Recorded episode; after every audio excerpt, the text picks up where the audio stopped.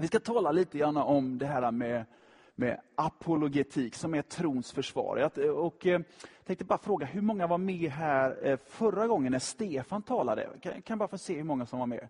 Ja, de flesta ändå. Jag eh, bara säga någonting om detta. Eh, dels så kommer jag ju gå ett lite annorlunda spår än det han talar om. Han talar ju om den bibliska grunden, så han hade mycket, hade lite fler bibelord och så än vad jag kommer att ha. Eh, men eh, bara säga att apologetik, som betyder då, som kommer från ordet apologea, det betyder trons försvar. Eh, och Det är alltid viktigt att påminna om detta. Att eh, apologetik som kan innefatta, och ni kommer märka det lite grann den här kvällen, det kan vara mycket intellektuellt tänkande och argumentation och så vidare. Eh, men det är väldigt viktigt att det är försvar och inte någonting, det är inte ett vapen. Det är inte ett vapen som man använder för att gå ut och slå i huvudet på folk. Utan det är just till trons försvar. Och Det tror jag är väldigt viktigt därför att eh, eh det gäller att ha en ödmjuk inställning, en ödmjuk eh, attityd och en ödmjuk utgångspunkt när vi pratar om de här grejerna. För att annars så kan det lätt bli, och eh, det har ju funnits eh, debatter som har varit, och jag är ju lite grann, jag kan ju tycka om de här debatterna lite grann, eh, mellan olika eh, starka företrädare då för antingen apologetiska sidan och sen lite grann vetenskapssidan eller kosmologer eller och så vidare. Då, som, eller som i Sverige här, Christer Sturmark som har representerat humanisterna, som liksom representerar den andra sidan. Och så har det debatterats. Och eh, i Sverige så tycker jag att det har gått bra till. Eh, men eh, tittar man lite grann på nätet och så vidare så kan det, kan det hetta till lite grann ibland. Och det gäller att hålla en hög nivå. Den kristna tron är jag ska, sann, förnuftig, rationell.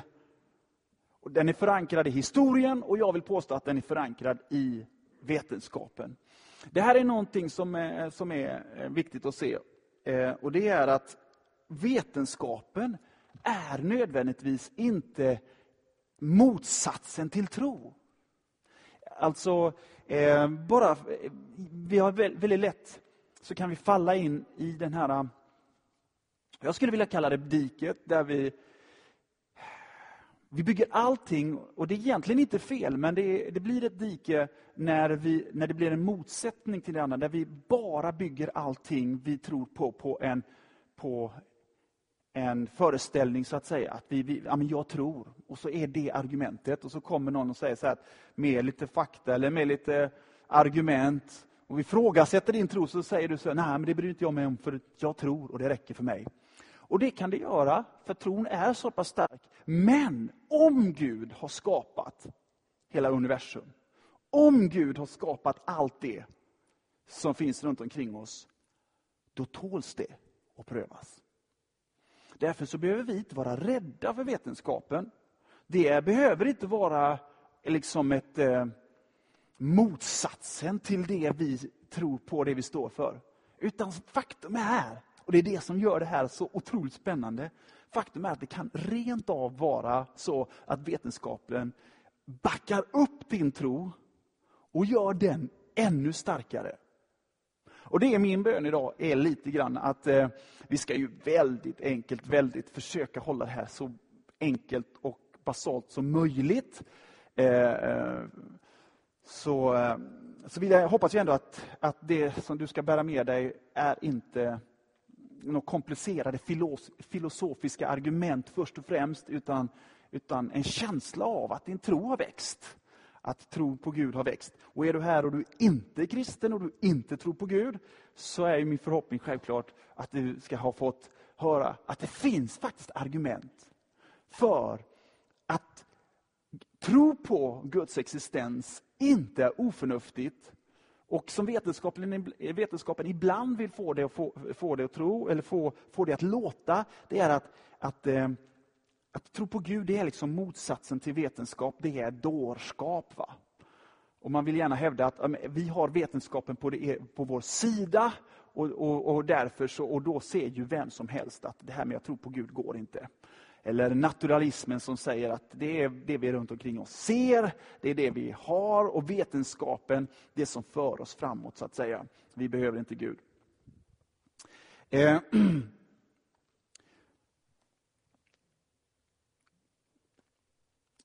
Man kan ju fråga sig, vad är det här med rationellt? Vår titel på den här kvällen då är, finns det rationella argument för Guds existens?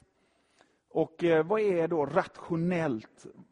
Jo, det är ju framförallt, när, vi, när jag pratar nu, då pratar jag utifrån en utgångspunkt att vi talar om, om eh, argument som jag använder, eller som vi använder, när vi samtalar med en person som ifrågasätter just rationaliteten i att tro på en Gud. Alltså det är inte vetenskapligt, det är inte förnuftigt. Va? Och därför så är det så att eh, jag kommer ju tyvärr inte läsa så mycket bibelord idag om du har kommit för ett djupt bibelstudie. Eh, för att det är inte så att det blir något bra, bra argument mot en vetenskap. Jo, men det står i Bibeln. Då säger han bara så att ja, ja det kan ju möjligt stå i Bibeln, men jag tror inte på Bibeln, säger han då. Så vad vi gör är att vi, ehm, när vi pratar om rationella argument, då använder vi de begrepp, eh, de uttryck och de fakta som vetenskapen idag använder. Och vi talar utifrån alltså den argumentationsteknik som används är eh, främst det vi brukar kalla för deduktiv eh, argumentationsteknik. Alltså du har ett antal premisser och så har du en slutsats. Och Det vi kommer göra nu, och titta, vi kommer titta på ett speciellt två stycken eh, argumentations... Eh, två olika argumentationer som man kan använda. Jag kommer nämna ett, några fler, men speciellt två. Så ser man att den här tekniken som används då, det kan ju låta för oss, om man inte är liksom insatt i hur man filosofiskt eller vetenskapligt bygger upp de här argumentationerna, så kan det låta oerhört liksom nästan lite enkelt och löjligt. Men man ska då komma ihåg att det är det sättet som man argumenterar på. Också bara nämna det är, vem bär bevisbördan? Det är en sån här grej. Eh, just bara ordet bevisbördan är någonting som vi skulle kunna ta en hel kväll på. Därför att eh, när vi pratar om apologetik eller liksom när någon kommer och ifrågasätter tron, så är det väldigt lätt att eh, vi kommer alltid i försvarsställning. Och så kommer ett antal argument och så ska vi försöka försvara oss på det. Men eh, någonting som eh, vi behöver förstå det är att vi kan också vända på bevisbördan.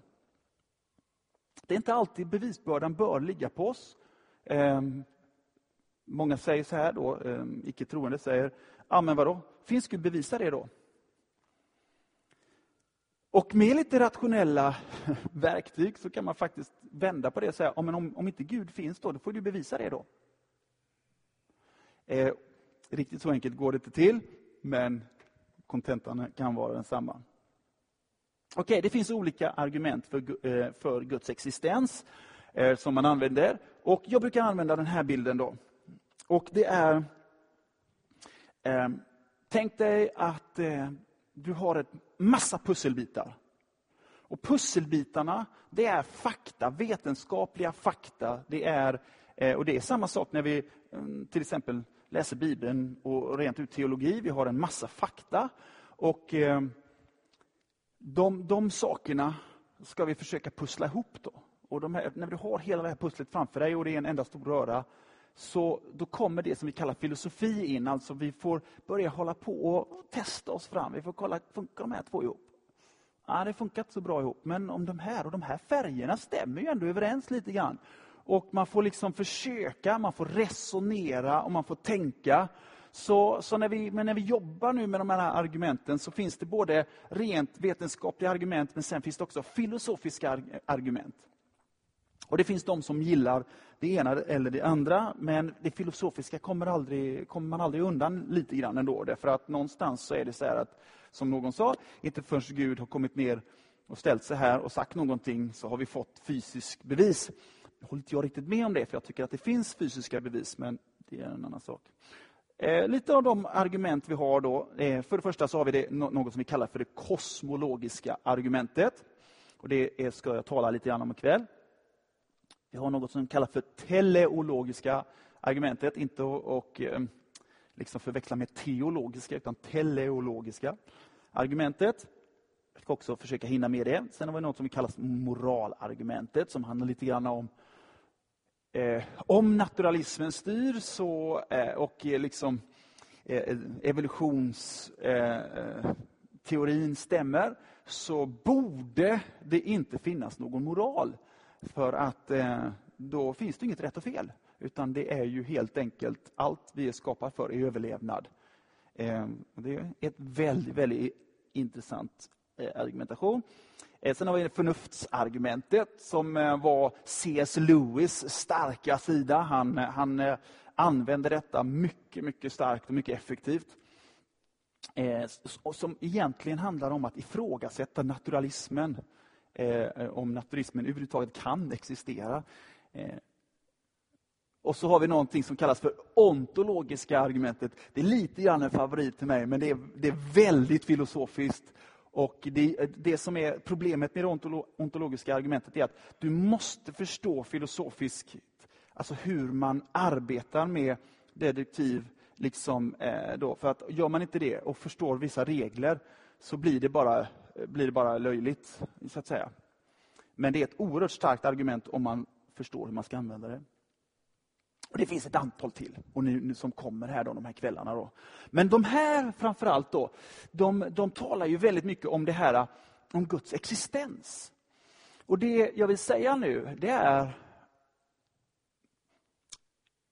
Jag personligen tycker ibland att man, missbruk, man missanvänder ska vi säga, de här och så kallar man det för det kosmologiska gudsbeviset. Eller det teleologiska gudsbeviset och så vidare. Va? Men eh, faktum är att väldigt ofta så, så, talar vi utifrån att det här är inte, vi, vi, först och främst bevisar vi inte att Gud finns. Vi argumenterar för att det är rationellt och förnuftigt att faktiskt tro att Gud existerar. Vilket är en ganska stor skillnad. Nu kan ju det, man tycka att vissa av de här är ganska starka bevis för Gud. Och Jag kan tycka att som till exempel det teleologiska eh, argumentet, det, i min värld finns det, är det väldigt starka bevis. Men, men, men, be, men när vi talar om bevis nu i, i, liksom i, i den vetenskapens värld så har vi liksom helt andra regler för vad är bevis och inte bevis. Och Därför så, så, så går inte det riktigt att använda dem eh, på det sättet. Okej, okay. låt oss kasta oss in i ett av de här då, eh, argumenten som, an, som, man kan använda för... Eh, då. Och jag tänkte faktiskt, jag har två bibelord idag. Det känns ju så här, är vi en kyrka måste få läsa åtminstone två bibelord. Så jag tänkte jag ska läsa ett bibelord här först. Det är från Saltaren 19. Eh, då står det så här i vers 2-3. Eh, himlarna vittnar om Guds härlighet. Himlavalvet förkunnar hans händers verk. Den ena dagen talar om det för den andra. Den ena natten kungör det för den andra.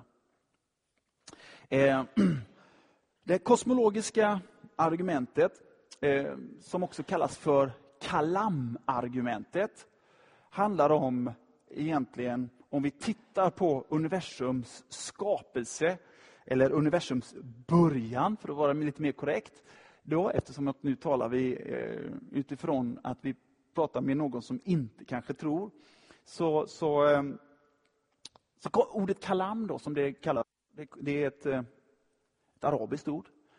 Och muslimerna var det faktiskt som tog fram det här, jag tror att det var på 800-talet ungefär.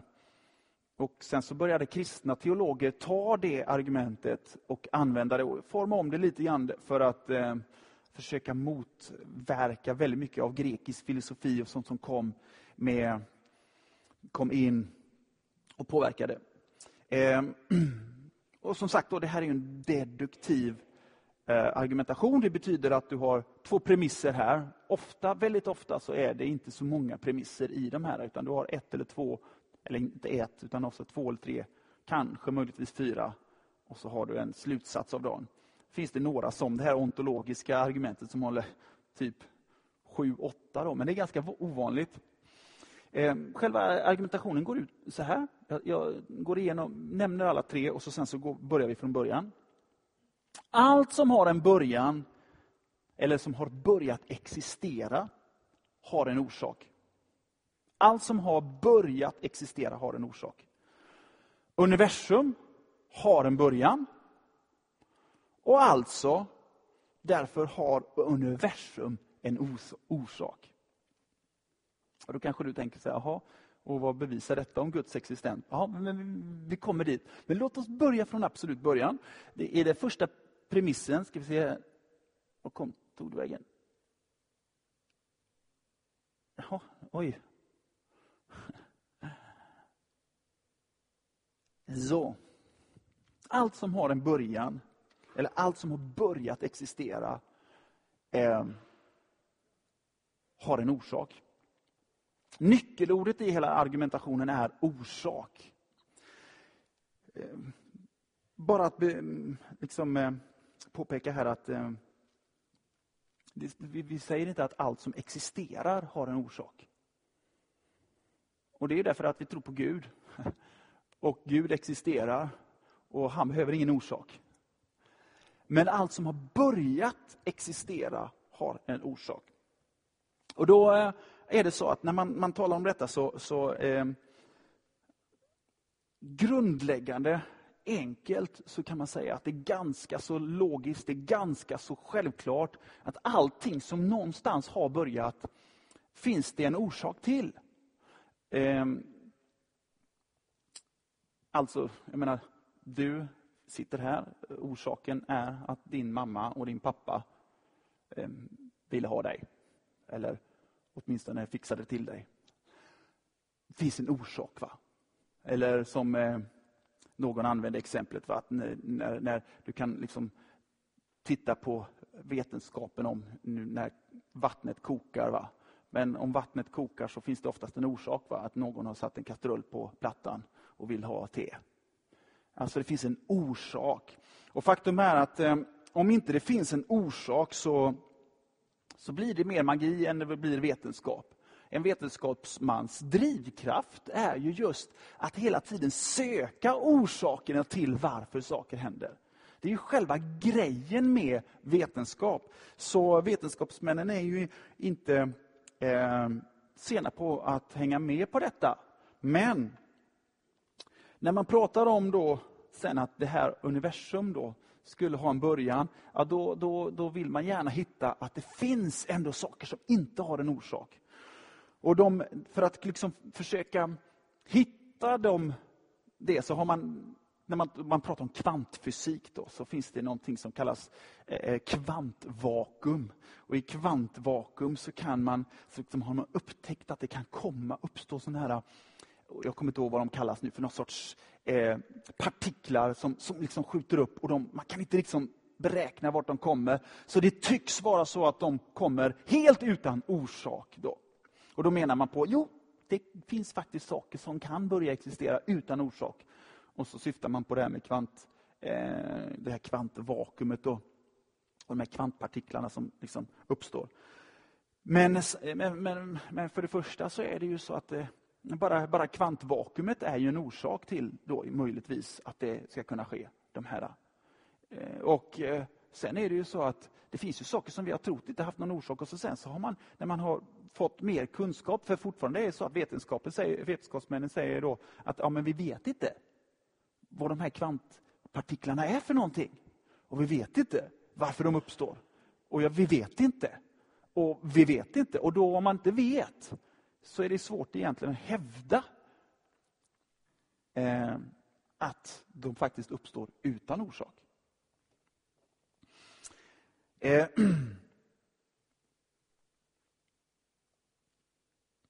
Sen är det ju så också att när man, när man, man talar om detta så i, i allting av, av det vi ser runt omkring oss så, så, är, så, så, tycker man ju att det är självklart att någonting har en orsak till varför det börjar existera.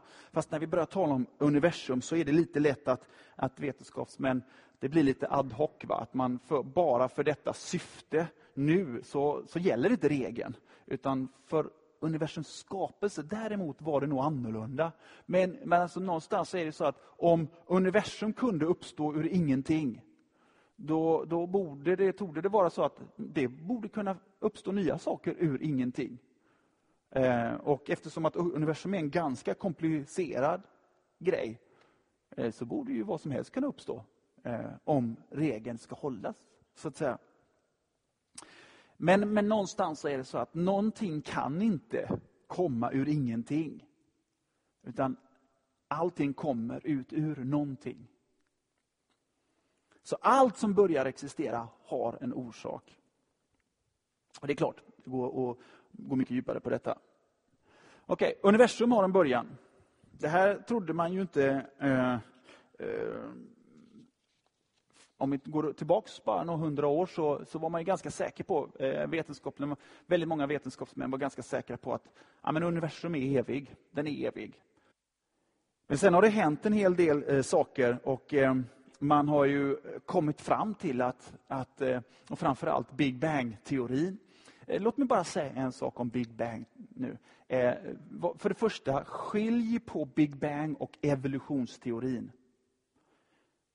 Det är väldigt viktigt att man kristna har en tendens, vi bankar ihop allting i ett och eh, okunskapen gör att man, man liksom, och så förkastar man allting. Alltså skilj på detta nu. Big Bang är en sak, den talar om starten av någonting. Evolutionsteorin är någonting annat. Eh, jag tror inte att du måste inte förkasta Big Bang som kristen. Eh, frågan är ju bara, alltså för jag menar, det har ju uppkommit. När han sa var det ljus, men det kanske var en rejäl bang. Men eh, så frågan är, vad är det som har skapat, vad är det som har satt igång universum? Eh, framförallt är det han eh, Hubble som, som eh, kom fram till det här med eh, rödskiv, eh, vad heter det? Eh, rödförskjutningen som eh, som framförallt började kunna se att, att, när du ser då, när ljudets hastighet, när det rör sig, så blir det liksom en förskjutning i det. Och du kan börja räkna på eh, universums eh, tillväxttakt. Och då kunde man, om man, om man skulle rita upp det som en tratt så här, så, och nu hade jag ju velat haft ett blädderblock egentligen, Eh, så, så, så blir det liksom, när du räknar då, ut efter den här förskjutningen, så går det tillbaka och de kunde räkna till en, en en punkt. Att där måste universum ha skapats. Tittar du på liksom expansionen i universum och räknar tillbaks så kan du komma fram till en punkt. Och Det var ju revolutionerande. Och Sen har det funnits en massa teorier och alla de här andra teorierna har liksom fallit medan den här har på något sätt bestått. Då.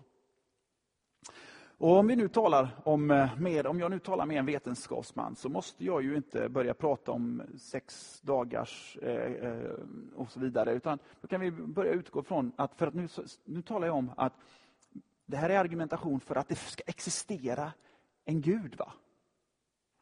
Och, eh, och då är frågan, vem har skapat den guden? Eller vem har, skap, vem har skapat Big Bang? Vem startade allting? Hur kom det till? Va? Hur kom universum till. Och eh,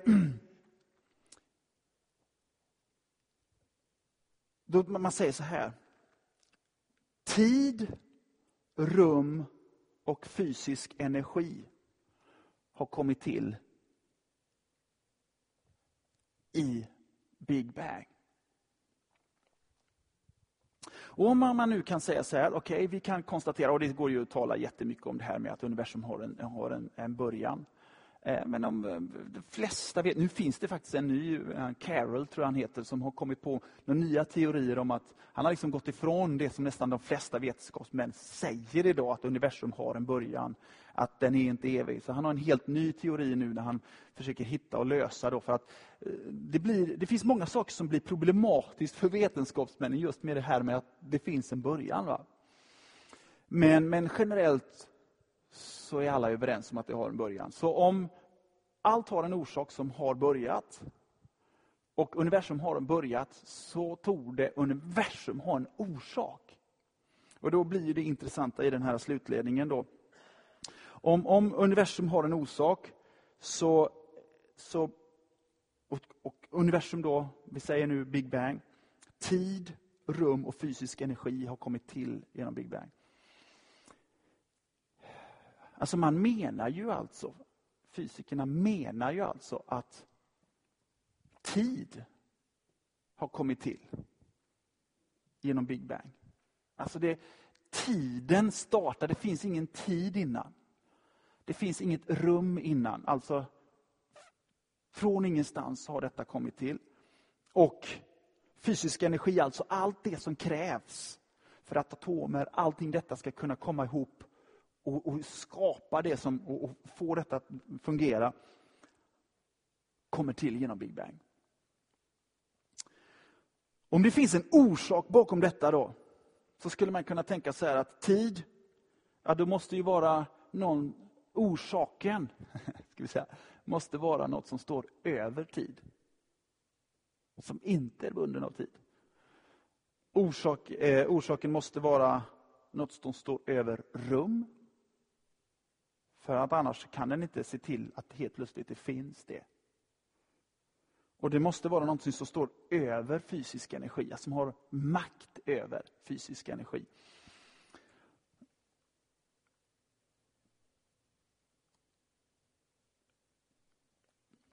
Okej, okay. jag går till nästa här direkt. Därför, och det här är slutledningen då, därför är det rationellt att tro, det här det kommer in, då, vad, hur, hur, orsaken, bara denna grejen att leta rätt en orsak, kan leda oss till att det faktiskt är rationellt att tro att det finns en alltigenom god. Och varför, varför säger vi alltigenom god? Jo, därför att någonstans, och det här kommer vi titta på lite grann alldeles strax när vi tittar på det här teleologiska argumentet också. Någonstans så är det ju alltså syftet för orsaken. Orsaken har ju varit att skapa liv, alltså skapa livstillåtande universum. Alltså det finns en, en god plan, det är en genomtänkt plan. Därför kan man också säga att, att det är en intelligent. Då. Eh, evig, alltså den är inte bunden av tid. Det är en allestädes närvarande, alltså en, no, no, no, en orsak som inte är bunden av rum. Allsmäktig, den styr över energi och materia och personlig och intelligent. Och, och här, Den personen som kanske framför allt är känd för detta och som, som eh, jag har fått mest information ifrån heter William Lane Craig. Som är en apologet, apologet i USA som, är, som har liksom specialiserat sig på det här, just den här argumentationen. Eh, han har ett antal argument för hur man kan se att den här orsaken faktiskt måste vara personlig och intelligent då, i sitt sätt att... Eh, eh, för att orsaken överhuvudtaget ska vara relevant. Och om vi då sätter det här sista då, så skulle man kunna då säga att, att det måste vara, skulle kunna vara en Gud. Ja, hur kan detta vara ett argument nu då? Jo, att om man använder den här då, eh, sättet att argumentera med, så kan man komma fram till en sak. Och det är att det är inte orationellt, det är alltså inte, o, det är inte oförnuftigt att faktiskt tro att det finns en Gud som faktiskt har legat bakom universums skapelse.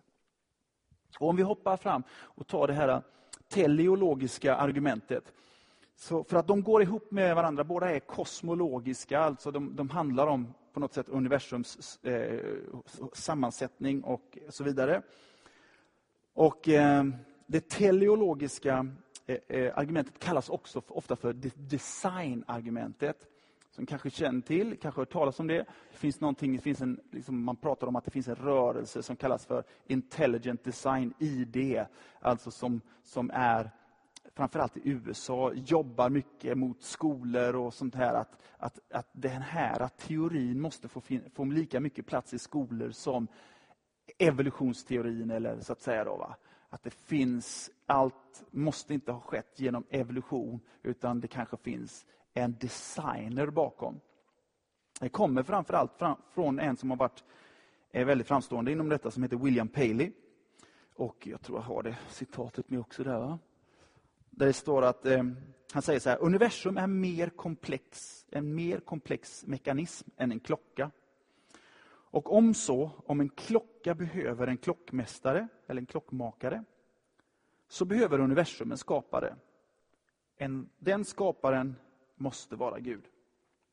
Och William, William Paley han, har en, en, en, han använder klockan som en bild. Och han, han använder den här bilden. Han går ute på ett fält och så ser han en sten. Och Den stenen är liksom, den kan han ju tycka då att den har utvecklats med tiden och förkolnat och ligger där och så vidare. Men om man går sen och upptäcker en klocka på samma fält så kommer han inte att tänka att åh, det här var tiden har fått till. Utan ganska på grund av, och så har han ett antal premisser på grund av att det är olika detaljer i den här från olika material och, och, och ett, antal saker till så, som gör att den här fungerar som den gör, den här mekanismen, så, så kan jag dra slutsatsen att den här måste vara en designer. Det måste vara någon som faktiskt har tänkt ut och gjort den här.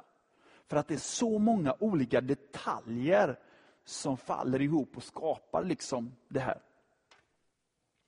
Och, eh, och Han går vidare på detta. Och Den här argumentationen då har sen eh, utvecklats.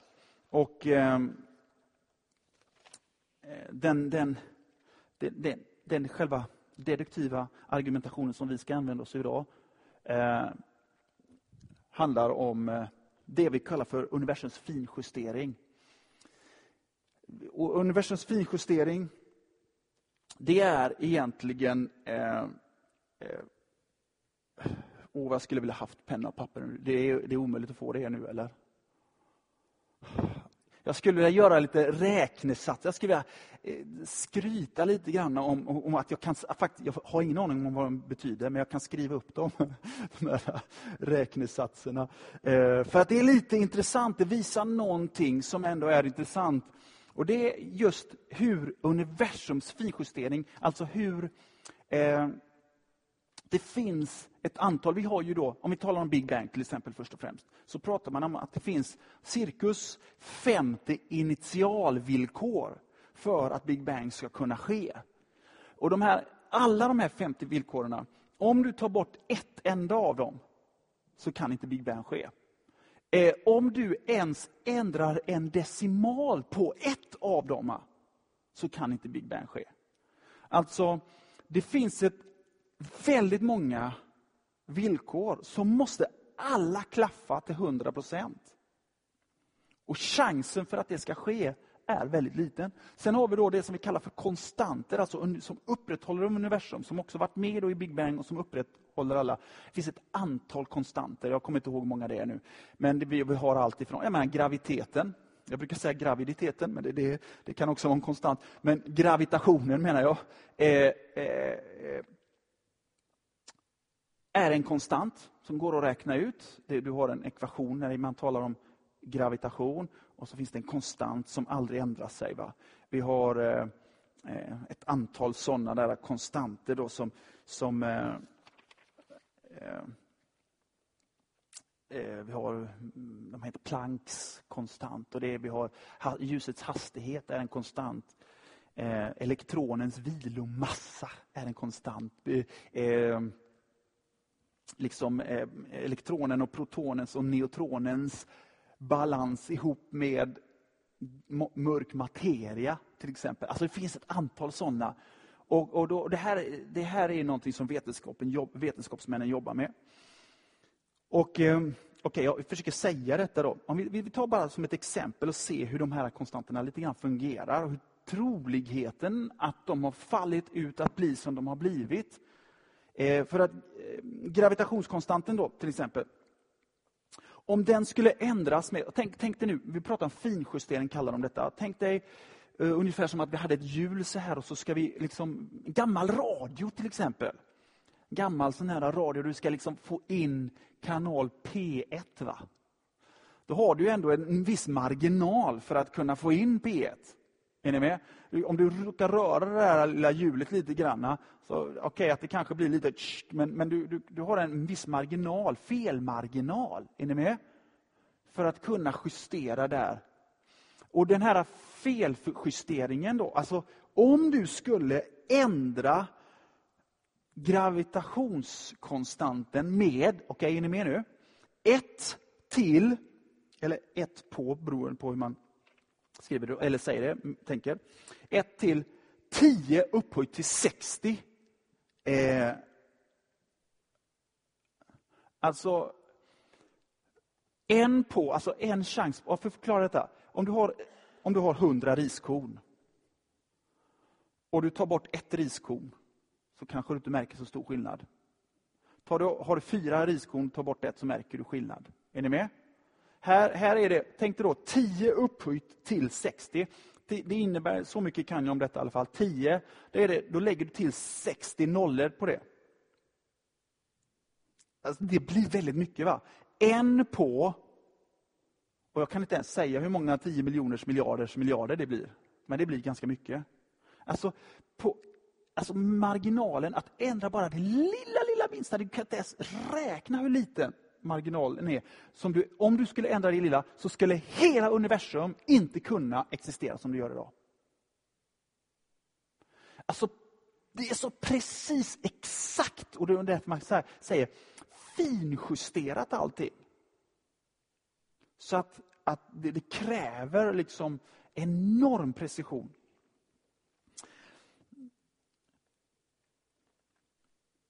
Eh, det, ett annat sånt exempel är universums tillväxttakt. Eh, man, man, kallar, den, man kallar den för kosmologiska eh, konstanten. Eh, som också är intressant. då. Och där helt plötsligt blir det ännu högre då, om en förändring av detta skulle bli en på tio upphöjt till 120. Alltså för att förstå hur oerhört stort detta är. Alltså, om, om, bara i kroppen så säger man så här att, att vi har att antal celler du har i kroppen är 10 upphöjt till 14. Det är 10 med 14 nollor. Gravitationens felmarginal är 10 upphöjt till 60. Det är alltså enormt. Alltså, det går inte ens att tänka. Eh, det hade gjort sig lite bättre om man kunde rita upp det. Men och massaenergi då, den här konstanten som handlar om proto, eh, eh, det är alltså elektroner, protoner och neutroners balans med mörk massa som man räknar på. Då, eh, då är det ännu mer. Då säger man så här att för att universum inte ska antingen implodera eller växa, alltså växa för sakta eller växa för fort, så krävs att den här balansen så totalt att om du skulle förändra den så mycket som ett på tio, ser ni nu Tio. upphöjt till tio. upphöjt till 123. Alltså, det, det, alltså chansen att överhuvudtaget... Tänk dig nu, om vi bara hade haft de här typ två, tre konstanterna. Bara tre sådana konstanter, så är det ju ändå inte ens en på tusen, det är ju en på miljarders, miljarders, miljarders, miljarders, miljarders, miljarders, miljarders chans. Och eh, enligt eh, en, en av fysikerna, han säger så här. Icke troende, nu att jag ska tillägga, icke troende, han säger så här. Chansen för att alla konstanter och att massans energi och allting, att allt detta ska sammanfalla, chansen att det ska sammanfalla är eh, en på 10 upphöjt till 10 upphöjt till 124. Det är alltså lika mycket som eh,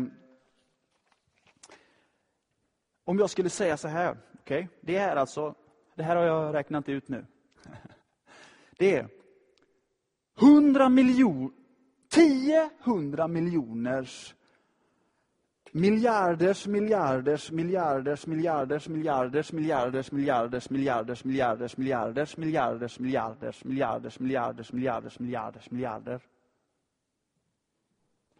Det är chans för att universum skulle ha alla dessa finjusterade detaljer skulle ha kommit ihop. Kolla här lite grann. Låt oss titta på några här. Jag ska försöka översätta här, det är på engelska. Eh, eh, Stephen, Haw Stephen Hawking som är en av de mest kända fysiker och kosmologer och så vidare. Som, eh, som absolut inte tror på Gud. Det, var, han, det kunde tolkas i en av hans böcker som att han gav lite utrymme för, för Gud. Men då skrev han en ny bok och, och, och sa det att nej, nej absolut inte. Eh, då. Men han säger ändå så här. Uh, the remarkable fact is that the values of these numbers seem to have been finely adjusted to make possible the development of life. Alltså, det, det anmärkningsvärda fakta är att alla dessa nummer, alla dessa siffror då, och nu som jag har nämnt bara en liten, inte ens, jag menar inte ingenting av vad de egentligen är, eh, att detta har blivit finjusterat för att göra det möjligt för utvecklingen av liv. Att liv överhuvudtaget ska vara möjligt. Det här är Sir Martin Rees som då är eh, vad heter det, en, en professor i, i, på, i eh, kosmologi i, på Cambridge. Han säger så här, var helst fysiker tittar så ser de hur finjusteringen finns där. Va? Var helst de tittar så ser de det. Det här är Fred Hoyle som är då, eh, han är ju filosof framförallt, och professor i astronomi. Han skriver så här, eh, ska vi försöka översätta detta, Common sense interpretation of the fact. Han skriver, hans böcker går inte ens att läsa om man är en normal människa. Eh, A common sense interpretation of the facts suggests that a superintelligent superintellect has monkeyed with physics. Alltså, eh, själva eh, sunda förnuftet eh, tolkar alla de här fakta på ett sådant sätt att det verkar som att någon superintellekt har liksom monkeyed with business, alltså eh, hållit på och, och fifflat med, med, med eh, fysiken. Va? Och eh, and there are no blind forces working Eh, eh, forces worth speaking about in nature. Alltså det finns ingenting som bara fungerar av sig själv. Det finns ingenting som inte, som inte fungerar av sig själv. Uh, the number one calculates, the numbers one calculates from the facts seem to me so overwhelming as to put this conclusion almost beyond question. Alltså, när du räknar på de här numren så verkar det övervälvande Här har vi Paul Davis. Eh, som, eh, han, är ju, han har ju fått en massa priser. Han säger så här. Eh, det är för mig så kraftfulla bevis att det finns någonting som pågår bakom allt. Det verkar som om någon har finjusterat naturens siffror eh, för, att, eh, för, att skapa, för att göra universum. Alltså, eh, the impression, alltså det, det eh, intrycket är, eh, av att det finns en design bakom är överväldigande. Så tittar man på alla de här då, så ser man ju att eh, det finns något som heter finjustering. Det finns siffror som vetenskapen själv och vetenskapsmännen, kosmologer, Eh, framförallt och eh, fysiker och till viss del jag menar biologer, men, men framförallt fysiker och kosmologer däromkring. De, de liksom, de, det här är ju jobbigt för dem, de här siffrorna. Även om de är fascinerade av dem, så är det lite jobbigt för dem. Därför att eh, man vill ju gärna inte ha ge utrymme för design. Alltså, man vill inte ge utrymme för att det skulle finnas en designer bakom. För det går lite grann emot det de då. Då är vår argumentation så här.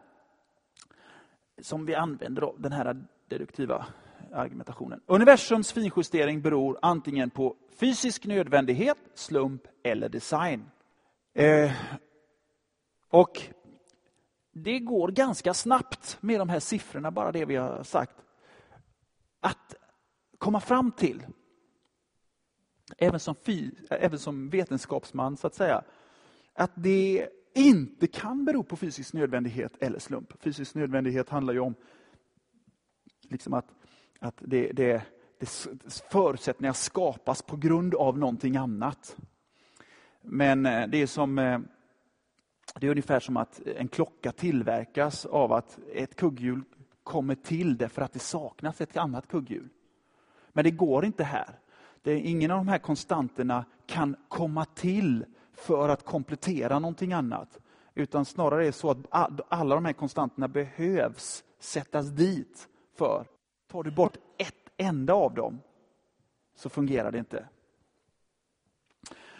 Och, och Tydligen så är det så här att eh, det finns inga andra alternativ. Alltså finjusteringen, det, man räknar ut, liksom, man talar om det, så är det de här alternativen som finns. Va?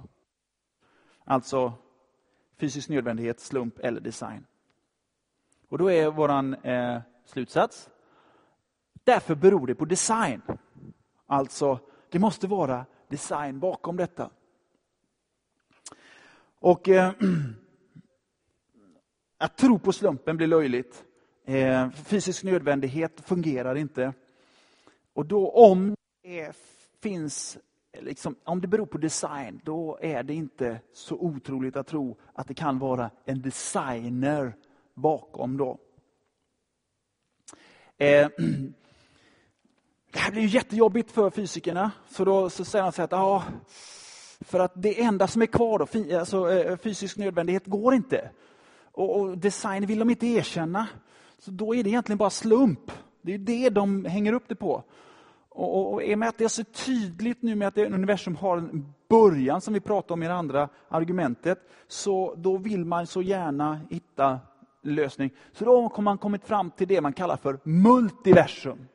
Ja, men då har man löst det så här, alltså, om du tar de här tärningarna, då säger de så här att okej, okay, chansen är enormt liten att universum ska kunna finjustera sig på ett sånt sätt att till att, att universum blir livstillåtande, som man använder uttrycket. Då, va?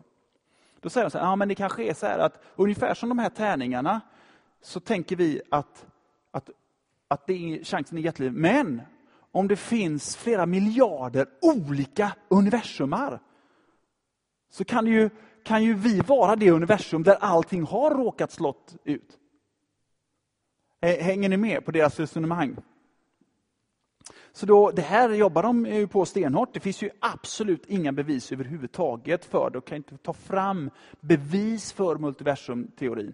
Utan det är ju bara en, en teori för att försöka lösa problemet med att komma undan det här med design. Därför att eh, eh slumpen är det enda alternativet för dem. då. Men, men det går inte heller ihop om man empiriskt, emp, empiriskt försöker komma fram till en slutsats. Alltså empiriskt det betyder ju av erfarenhet, alltså du gör, du gör, nu har du massa undersökningar här, så kommer du till slut, av alla dessa så kommer du fram till en slutsats. Vi märker av detta att det här blir det. Va? Och, och, och då är det omöjligt att, eh, att eh, eh, liksom komma undan finjusteringen. Och det är omöjligt att komma undan att det enda alternativet då är antingen design eller slump. Och då så hittar man på det här med multiversum. Problemet är ju att med multiversum, då, som, om det skulle finnas eller inte finnas, problemet är att det skjuter ju bara frågan ett steg längre bort. va? För fortfarande är det så här, okej, okay, ja, ja, men hur kom multiversumet till? Finns det en liten multiversummaskin som ploppar upp, så här, ploppar upp massa universum så här hela tiden? Ja, vem har fixat den? Vem ligger bakom den? va? Hur kan, den, hur kan, multivers, hur kan alla dessa multiversumerna komma till då? Så man kommer liksom egentligen inte undan det. Eh. Okej, okay, jag ska avsluta detta. Det här är ju bara, som ni förstår, bara försöka få lite kort ge ett smakprov på. Det här är hur de här argumenten fungerar. Jag, tror att här, jag, jag, tycker att de här argumentationerna är väldigt viktiga för kristna att höra. Inte alltid viktiga för alla att förstå så att man kan argumentera, för det krävs ganska mycket kunskap egentligen om man ska eh, man, man behöver ha lite fakta på, eh, liksom med sig när man, man använder de här argumentationerna. Men det som är viktigt för oss är att förstå att nummer ett, eh, om, jag menar, vi, vi snackar om de absolut största fysikerna är det som håller på att debattera om detta.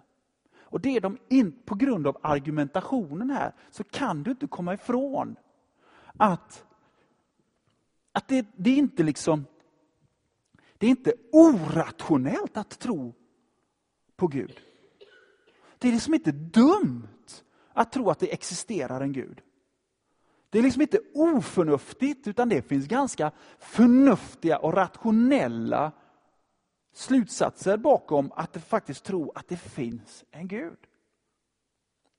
Alltså, du kan inte bara komma och säga så till mig, ja men vetenskapen har ju bevisat att det inte finns en Gud. Jaså, har den?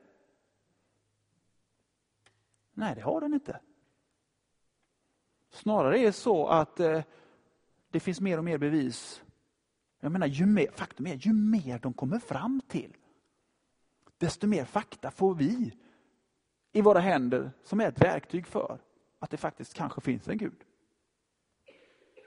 Som, som, som inte bara blir argument, som blir bevis faktiskt rent av. Beroende på om man vill använda det då. Jag ska, jag ska nämna de här två, tre sista som jag inte, argumenten som jag inte kommer att ta upp idag, bara nämna dem. Och så tänkte jag öppna för lite frågor eh, till att avsluta med. Jag förstår att det blir, det blir mycket fakta och jag har ändå försökt att karva bort så mycket fakta som möjligt för att det blir liksom bara för mycket om man ska ha en sån här kväll. Va? Eh, och, och, Samtidigt när du karvar bort mycket fakta så känns det som att du tunnar ut allting så mycket. Så det, det är en svår balans att försöka hitta där. Men, men det kosmologiska argumentet då, som vi pratade om först, eller Kalam-argumentet. Allt som börjar existera har en orsak. Universum har en början, därför har universum en orsak. Och den orsaken torde vara eh, evig eftersom den, måste, den kan inte vara bunden av tid. Den torde vara eh, obunden av rum eftersom att den skapar rummet. Och den torde vara allsmäktig, alltså styra över energi. Och den är ändå inte o, o, o, eh, det är inte, vad säger man, o, onått. Det är inte, det är, det är inte otänkbart att det också är en god, personlig, intelligent orsak.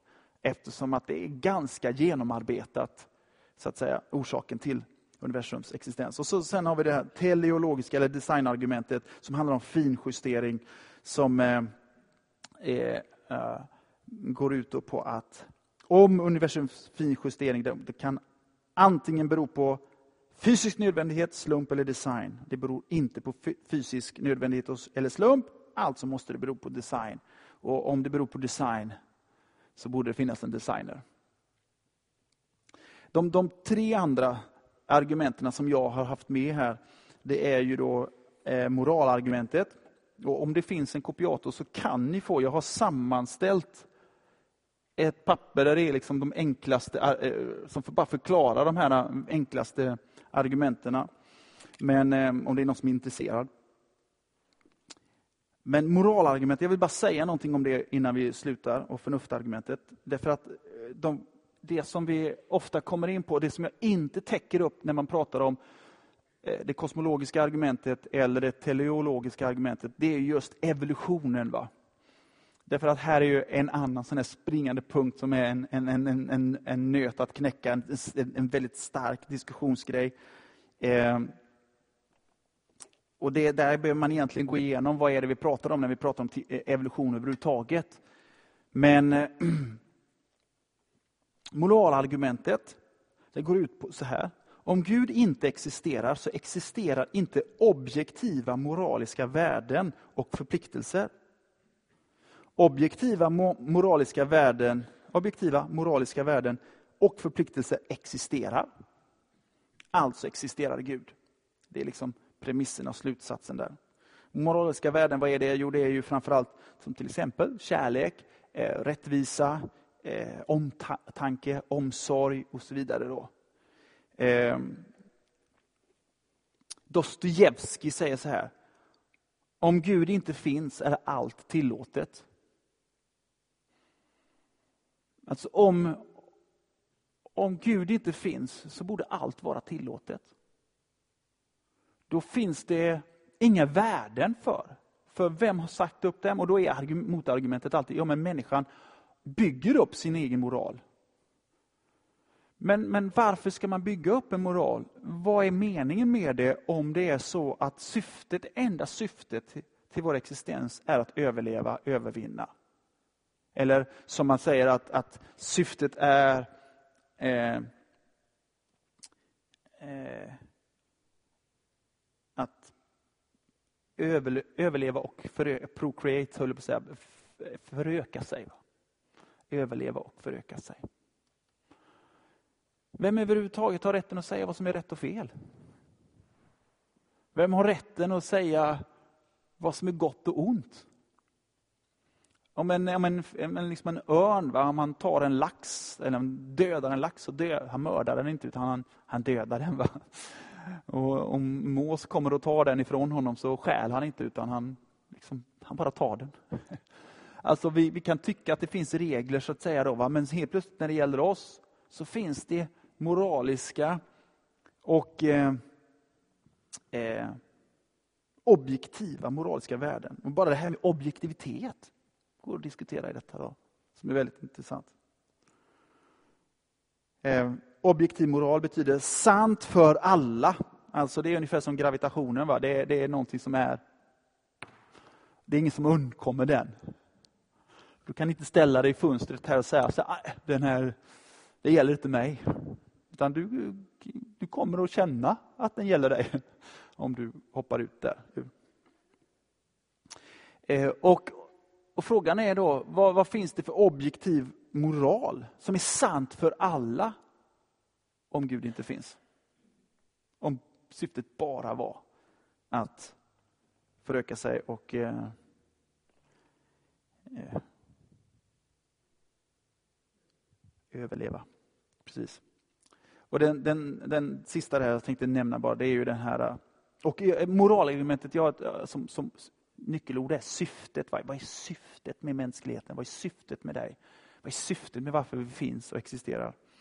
Och förnuftsargumentet, och det sista, det är, eh, handlar om nyckelordet är att förstå verkligheten. Och då, Det är ju det här C.S. Lewis går ganska hårt på. Jag tycker det här, jag gillar det här. Eh, och Det handlar ju om om naturalismen är sann eller inte. Och hans hans eh, argument är så här, om naturalismen var sant, då kan inte en person ha rätt eller fel. En person kan ha rätt eller fel, det är alltså nästa premiss. Och därför så är naturalismen osann. Alltså han går i tur med själva naturalismen. Och naturalismen det är ju det, det enda som existerar, är det du ser. Och eh, Om naturalismen styr så finns det inget mål med att söka sanningen. Om det enda du ser är det som finns, finns det inget mål med att söka eller nå fram till sanningen. Alltså förnuftet och så vidare som tar in all information, de har, det, det finns bara ett syfte, det är ju att överleva då. Så att säga. Det här är ju det som C.S. Lewis eh, talar om och eh, det får du gärna läsa mer om med C.S. Lewis, om C.S. Lewis. Men de här då, moralargumentet, förnuftargumentet talar mycket mer om vår, vår, varför finns vi här? Har vi en moral? Hur får vi plats? Och så vidare. Då. Ontologiska argumentet ska jag inte gå in på, för den är, den är för komplicerad just nu. Nu har vi inte tid med det. Okej, okay, jag förstår att nu är det bara massor av information också som har kommit och jag har ändå försökt att hålla det så avskalat det går.